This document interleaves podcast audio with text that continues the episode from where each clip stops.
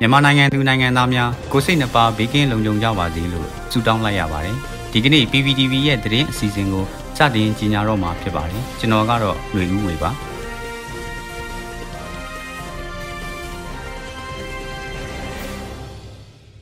အခုပထမဆုံးအနေနဲ့အမျိုးသားညီညွတ်ရေးအစိုးရ NUG အစီအစဉ်နဲ့ကျောင်းသားလူငယ်တွေအတွက်ကာလာတူတင် जा ရေး short ကုအစီအစဉ်တစ်ခုအနေနဲ့မြန်မာဘာသာစကားတိုင်းရင်းသားဘာသာစကားတို့ရဲ့ လူအဖွဲ့အစည်းတွင်အရေးပါမှုခေါင်းစဉ်ကိုပို့ချမဲ့တဲ့တင်ကိုတင်ဆက်ပေးပါမယ်။ကိုဗစ်ကပ်ရောဂါကာလနဲ့စစ်အာဏာသိမ်းမှုတွေကြောင့်ပညာသင်ကြားရေးကိုရပ်ဆိုင်းလိုက်ရချိန်မှာကျောင်းသားကျောင်းသူတွေစဉ်ဆက်မပြတ်ပညာသင်ယူခွင့်ရရှိနိုင်ဖို့အတွက်အမျိုးသားညီညွတ်ရေးအစိုးရ NUG ကကာလတူသင်ကြားရေး short course ကိုစီစဉ်ဆောင်ရွက်ပေးလျက်ရှိရာအမျိုးသားညီညွတ်ရေးအစိုးရပညာရေးဝန်ကြီးဌာနနဲ့ဆွစ်ဇာလန်နိုင်ငံဇူရစ်တက္ကသိုလ်မှဒေါက်တာမက်သီယက်စ်ဂျန်နီတို့ပူးပေါင်းပြီး Language and Society in Myanmar and Beyond ကောင်းစဉ်နဲ့ မြန်မာဘာသာစကားတိုင်းရင်းသားဘာသာစကားတို့ရဲ့လူအဖွဲ့အစည်းအတွင်းအရေးပါမှုကိုတင် जा ပို့ချပေးသွားမှာဖြစ်တယ်လို့သိရပါတယ်။မြန်မာဘာသာရပ်ကိုအထူးပြုတင် जा နေတဲ့နောက်ဆုံးနှစ်ဂုံတူးတန်းမဟာဝိဇ္ဇာအရေးချင်းစစ်နဲ့မဟာဝိဇ္ဇာတန်းကကျောင်းသားကျောင်းသူတွေမြန်မာစာပါရဂူတင်သားတွေမြန်မာဘာသာစကားကိုစိတ်ဝင်စားလေ့လာနေသူတွေဆန္ဒရှိရင်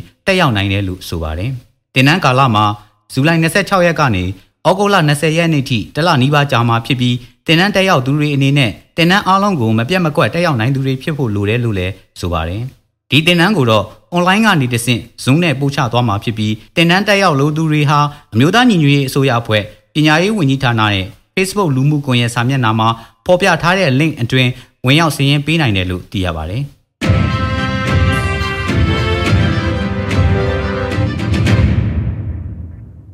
ဆက်လက်ပြီးအာနာသိန်းနေရမတိုင်မီရှိပိုင်းမှာ ကျူးလွန်ထားတဲ့ပြည်မှုဆိုင်ရာအမှုတွေနဲ့အမှုရင်ဆိုင်နေရသူတွေကိုအမှုပိတ်သိမ်းကြောင်းအကြမ်းဖက်စစ်ကောင်စီကကြီးညာခဲ့တဲ့သတင်းကိုတင်ဆက်ပေးမှာဖြစ်ပါတယ်။တက်ဆိုင်ရာတရားရုံးအသီးသီးမှာဆွဲဆိုထားတဲ့အမှုတွေအတွက်တရားခံတွေကိုကိုဗစ်စည်းကမ်းချက်တွေကြောင့်ရုံးထုတ်နိုင်ခြင်းမရှိဘဲချုပ်ရက်တွေရှိကြနေတဲ့အတွက်ကြားနာစစ်ဆေးဆဲပြည်မှုဆိုင်ရာအမှုတွေကိုပိတ်သိမ်းလိုက်တယ်လို့အကြမ်းဖက်စစ်ကောင်စီကမနေ့ကဇူလိုင်လ22ရက်နေ့နေ့စွဲနဲ့ထုတ်ပြန်ကြေညာခဲ့ပါတယ်။အဲ့ဒီကြီးညာချက်ဟာအကြမ်းဖက်စစ်တပ်ဟာ ပြည်သူအာဏာကိုအာရမနီးနဲ့သိမ်းယူခဲ့တဲ့ဖေဖော်ဝါရီနဲ့အဲ့ဒီနေ့မတိုင်မီတရားစွဲဆိုခံခဲ့ရတဲ့အမှုတွေနဲ့သာသက်ဆိုင်တယ်လို့ဆိုပါတယ်။လက်တလောချိန်မှာ COVID-19 ကူးစက်ရောဂါကြောင့်မြန်မာနိုင်ငံအတွင်းမှာတေဆုံးမှုအလွန်ကျွံမြင့်တက်နေတာဟာတိုင်းပြည်အာဏာကိုမတရားရယူထားတဲ့စစ်တပ်ရဲ့စီမံခန့်ခွဲမှုအလွဲတွေကြောင့်ဖြစ်တယ်လို့ပြည်တွင်းပြည်ပပညာရှင်တွေကသုံးသပ်နေကြပါတယ်။အကြမ်းဖက်စစ်တပ်ဟာကမ္ဘာကပ်ရောဂါကာလအတွင်းမှာအာဏာသိမ်းခဲ့တာဖြစ်ပြီးကိုဗစ်ကာကွယ်ရေးရှေ့တန်းကလှုပ်ဆောင်နေတဲ့ကျန်းမာရေးဝန်ထမ်း ပရာဟိတအဖွဲ့အစည်းတွေကိုဖမ်းဆီးတပ်ဖြတ်တာတွေဝန်ရမ်းထုတ်တာတွေလှုပ်ဆောင်ခဲ့သလိုတတိယလိုင်းပြင်းထန်လာပြီးနိုင်ငံသူနိုင်ငံသားအများပြားယောဂကူးစက်ခံခဲ့ရပြီးအောက်ဆီဂျင်လိုအပ်နေချိန်မှာလဲလိုအပ်ချက်ကိုဖြည့်ဆည်းမပေးနိုင်ခဲ့ပဲအောက်ဆီဂျင်စက်ရုံတွေကိုပိတ်ပစ်တာအောက်ဆီဂျင်အိုးတွေကိုတင်စီးတာတွေလှုပ်ဆောင်ခဲ့ပါတယ်။ဒါအပြင်အာနာသိမ့်မှုပြီးနိုင်ငံရေးသမားအများပြားကိုထောင်သွင်းအကျဉ်းချခဲ့ပြီးထောင်တွေအတွင်းမှာကိုဗစ်ရောဂါပြန့်ပွားမှုကိုမထိန်းချုပ်နိုင်ခဲ့တဲ့အတွက် ဒီကျုပ်ပါတီရဲ့ထင်ရှားတဲ့နိုင်ငံရေးသမားကြီးတဦးဖြစ်တဲ့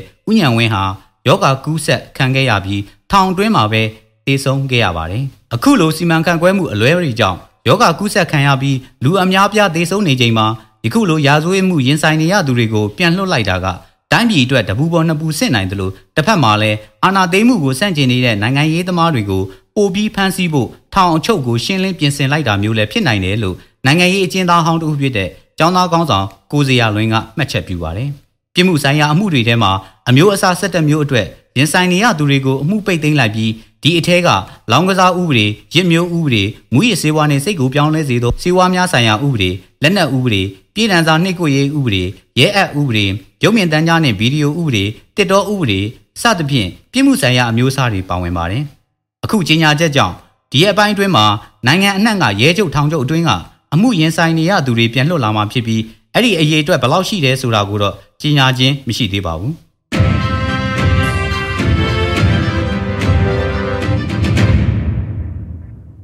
နေရအနှံ့ယောဂကုသမှုတွေများပြားလာချိန်မှာလူငယ်တွေဥဆောင်ပြီးပြည်သူမှပြည်သူတို့အဝါရောင်အလံကမ်ပိန်းကိုလှုပ်ဆောင်လာကြတဲ့တဲ့ရင်ကိုဆက်လက်တင်ဆက်ပေးပါမယ်။ COVID-19 ကြောင့်အစားအသောက်ဆေးဝါးအောက်ဆီဂျင်ရဖို့အခက်အခဲရှိလာတဲ့အခါမှာအိမ်ရှိမှာအဝါရောင်အလံ ဒါမှမဟုတ်အဝါရောင်အင်ကြီးကိုမြင်သားအောင်ချိတ်ထားလိုက်မယ်ဆိုရင်အနီးပတ်ဝန်းကျင်ကပြည်သူတွေအချင်းချင်းရိုင်းပြီးကူညီကြတဲ့အစည်းအဝေးကိုလူငယ်တွေကဥဆောင်ပြီးနိုင်ငံအနှံ့မှာလှုပ်ရှားမှုတစ်ခုအနေနဲ့လှုပ်ဆောင်လာကြတာဖြစ်ပါတယ်။ဒီကျုပ်အစိုးရလက်ထက်ကိုဗစ်ပထမလိုင်းဒုတိယလိုင်းကိုဖျက်ကျော်ခြင်းမှာ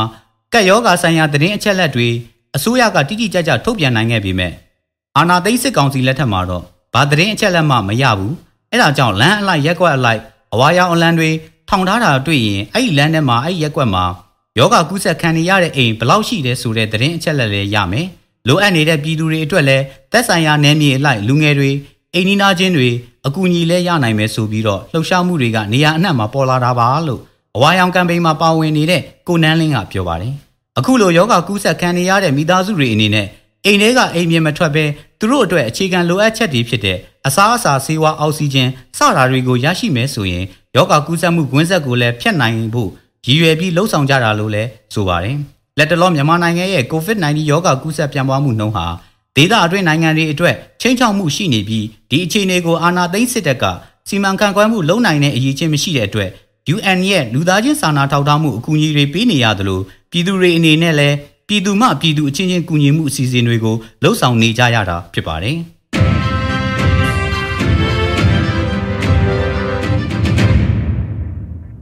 ပြည်ထောင်စုဥပဒေအထောက်အကူပေးရေးအဖွဲ့ဥက္ကဋ္ဌမြို့သားဒီမိုကရေစီအဖွဲ့ချုပ်ဗဟိုအလုံးမှုဆောင်အဖွဲ့အတွင်းရေးမှုအဖွဲ့ဝင်ဦးညံဝင်းကွယ်လွန်ခဲ့ခြင်းအတွက်ပြည်ထောင်စုလွတ်တော်ကူစားပြုကော်မတီကဝန်내အကြောင်းတဝင်လာပေးပို့တဲ့တဲ့ရင်ကိုဆက်လက်တင်ပြပေးမှာဖြစ်ပါတယ်။ ပြည်ထောင်စုဥပဒေအထောက်အကူပေးရေးအဖွဲ့ဥက္ကဋ္ဌမြို့သားဒီမိုကရေစီအဖွဲ့ချုပ်ဗဟိုအလုံးမှုဆောင်အဖွဲ့အတွင်းရေးမှုအဖွဲ့ဝင်ဦးညံဝင်းဟာအကြမ်းဖက်စစ်ကောင်စီရဲ့မတရားဖမ်းဆီးထိန်းသိမ်းမှုကိုခံခဲ့ရပြီးအကျဉ်းထောင်အတွင်းကိုဗစ်ရောဂါကူးစက်ခံခဲ့ရပါတယ်။အဲ့ဒီနောက်အကျဉ်းထောင်ကနေရန်ကုန်ပြည်သူ့စေယုံကြီးတို့ပြောင်းရွှေ့ကာစေကုသမှုခံယူစဉ်2021ခုနှစ်ဇူလိုင်လ20ရက်နေ့နနက်9:30မိနစ်အချိန်မှာကွယ်လွန်အနှိမ့်ဆရောက်ခဲ့ရတာဖြစ်ပါတယ်။အခုလိုဥညံဝင်းမတရားဖမ်းဆီးထိမ့်သိမ်းခံခဲ့ရပြီး ကွယ်လွန်ခြင်းအတွက်ပြည်ထောင်စုလွှတ်တော်ကိုစားပြုကော်မတီကဝန်내ကြောင်းတဝန်လာတစောင်းကိုထုတ်ပြန်ခဲ့တာဖြစ်ပြီးအဆိုပါကြေညာချက်မှာယုံကြည်ချက်ကြောင့်အကျဉ်းချခံခဲ့ရသည့်နိုင်ငံရေးအကျဉ်းသားများကိုလုံလောက်သည့်ကျန်းမာရေးစောင့်ရှောက်မှုပေးရန်ပြက်ကွက်တဲ့အကြမ်းဖက်စစ်ကောင်စီမှအပြည့်အဝတာဝန်ရှိသည့်အပြင်အဆိုပါကိစ္စရပ်များအတွက်တာဝန်အပြည့်ယူရမည်ဖြစ်ကြောင်းကွယ်လွန်နှိပ်စရောက်သွားတဲ့ဥညံဝင်းရဲ့မိသားစုနှင့် ထက်တူဝမ်းနဲ့ကြေကွဲရပါကြောင်းနဲ့မပြီးဆုံးသေးတဲ့စစ်အာဏာရှင်စနစ်ကြာရှုံးရေးဖက်ဒရယ်ဒီမိုကရေစီပြည်ထောင်စုတည်ဆောက်ရေးအတွက်ဆက်လက်တိုက်ပွဲဝင်သွားမည်ကိုဂရုပြုပါကြောင်းလို့ရေးသားဖော်ပြထားတာကိုတွေ့ရပါတယ်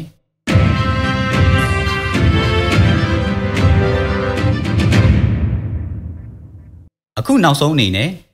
ကိုဗစ်တတိယလိုင်းတန်အပြင်းထန်ခံစားနေရတဲ့မြန်မာနိုင်ငံအတွက် နှစ်ဆတိုးကူညီသွားမယ်လို့မြန်မာနိုင်ငံဆိုင်ရာဥရောပသမဂ္ဂယုံ EU ကထုတ်ပြန်လိုက်တဲ့သတင်းကိုတင်ဆက်ပေးပါမယ်။ကိုဗစ်တတိယလိုင်းတန်ပြင်းထန်ခံစားနေရတဲ့မြန်မာနိုင်ငံအတွက်နှစ်ဆတိုးကူညီသွားမယ်လို့မြန်မာနိုင်ငံဆိုင်ရာဥရောပသမဂ္ဂယုံ EU ကဒီနေ့ဇူလိုင်လ22ရက်နေ့မှာထုတ်ပြန်လိုက်ပါတယ်။ကက်ယောဂါကြောင့်ချစ်ခင်ရသူတွေကိုဆုံးရှုံးခဲ့ရတဲ့မြန်မာနိုင်ငံသားအားလုံးနဲ့ထပ်တူဝမ်းနည်းရကြောင်းနဲ့ကိုဗစ် -19 ဟာမြန်မာနိုင်ငံမှာအရင်ကမကြုံခဲ့ဘူးတဲ့ပြည်သူ့ကျန်းမာရေးကပ်ဘေးတစ်ခုဖြစ်တယ်လို့ဆိုပါတယ်။ လက်ရှိကာလဟာကပ်ရောဂါဘေးနဲ့ရင်ဆိုင်နေရတဲ့မြန်မာပြည်သူတွေကိုကူညီရမယ့်အချိန်ဖြစ်တာကြောင့်ကျန်းမာရေးဆိုင်ရာအကူအညီတွေကိုနှစ်ဆတိုးလှုံ့ဆော်သွားမှာပါ။ Global Fund COVID-19 ကာကွယ်ဆေးတာတူညီမျှရရှိရေးအစီအစဉ် COVAX စတဲ့ EU ရန်ပုံငွေရရှိထားတဲ့ကမ္ဘာလုံးဆိုင်ရာအဖွဲ့အစည်းတွေနဲ့ပူးပေါင်းကကျန်းမာရေးစောင့်ရှောက်မှုပေးရေးအောက်ဆီဂျင်ရရှိရေးယောဂစစ်ဆေးရေးနဲ့ကာကွယ်ဆေးရရှိရေးအတွက်အရှိန်မြင့်လှုံ့ဆော်သွားမယ်လို့ပြောပါတယ်။ဒါအပြင်